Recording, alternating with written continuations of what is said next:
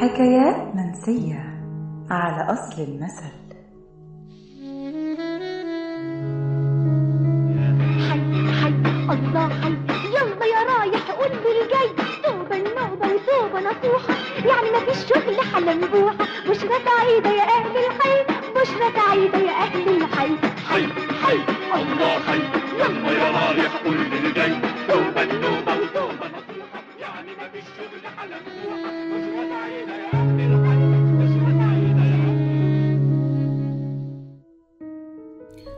الله حي عباس جاي يضرب بومبا في راس العمدة وهو جاي. العمدة هنا هو المعتمد البريطاني اللورد كرومر اللي كرهوا المصريين وفضلوا يرددوا جملة الله حي عباس جاي عشان يغزوه ويغيظوا الإنجليز وما زلنا بنرددها حتى الآن. في حلقتنا النهاردة من حكايات منسية هنعرف مين هو عباس اللي منتظرينه يجي ويا ترى هيجي منين.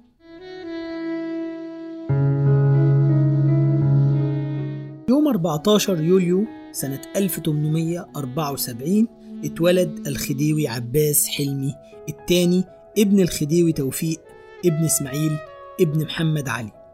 أمه هي أمينة هانم إلهامي حفيدة السلطان العثماني عبد المجيد الأول. الخديوي عباس تولى حكم مصر سنة 1892 وكان عمره وقتها 18 سنة وتم عزله 1914 بعد ما حكم مصر لأكثر من 22 سنة.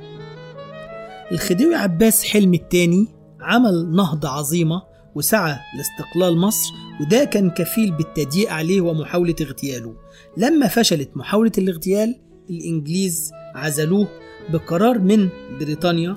يومها أعلنت جريدة الأهرام هذا الخبر بنفاق واضح تحت عنوان التغيير العظيم.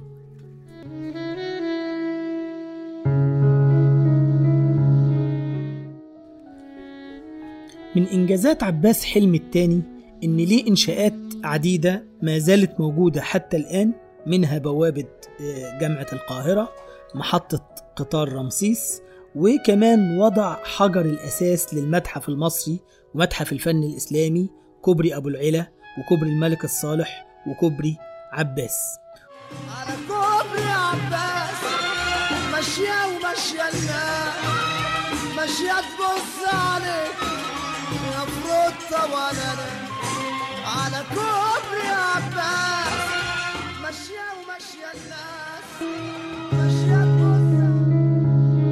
هو كمان اللي عمل قناطر أسيوط وقناطر إسنا وخزان أسوان وعشرات من مشاريع الري. افتتح عباس حلمي الثاني خطوط ترماي القاهرة سنة 1896 وكان أول من وضع خطة شاملة لترميم الآثار الإسلامية في مصر اللي كانت معرضة للضياع والاندثار ويمكن من أهم الآثار اللي حط خطة شاملة لترميمها جامع السلطان حسن وجامع عمرو بن العاص وجامع ابن طولون.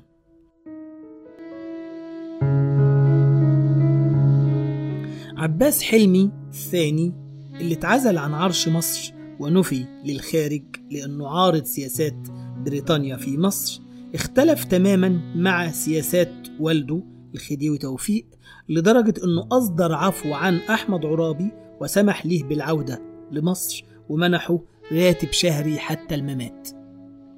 عشان كده المصريين هتفوا عشانه بعد عزله عن عرش مصر خصوصا إنهم كرهوا السلطان حسين كامل اللي تولى الحكم بعده فكانوا عشان يغيظوا الإنجليز ويعبروا عن كراهيتهم للسلطان الجديد يهتفوا في الطرقات الله حي عباس جاي على أمل إنه يعود إلى عرش مصر ليواصل تاريخه الوطني.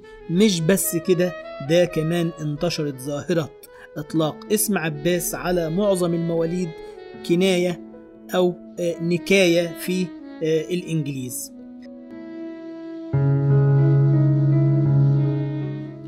توفي عباس حلمي الثاني في منفاه في سويسرا يوم 19 ديسمبر 1944 وبسبب الحرب العالمية الثانية للأسف لم يتح لجثمانه إنه يدفن في مصر.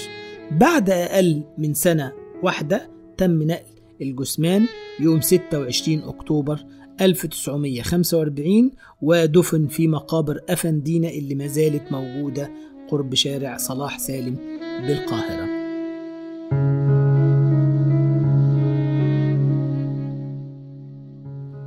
الله حي عباس جاي.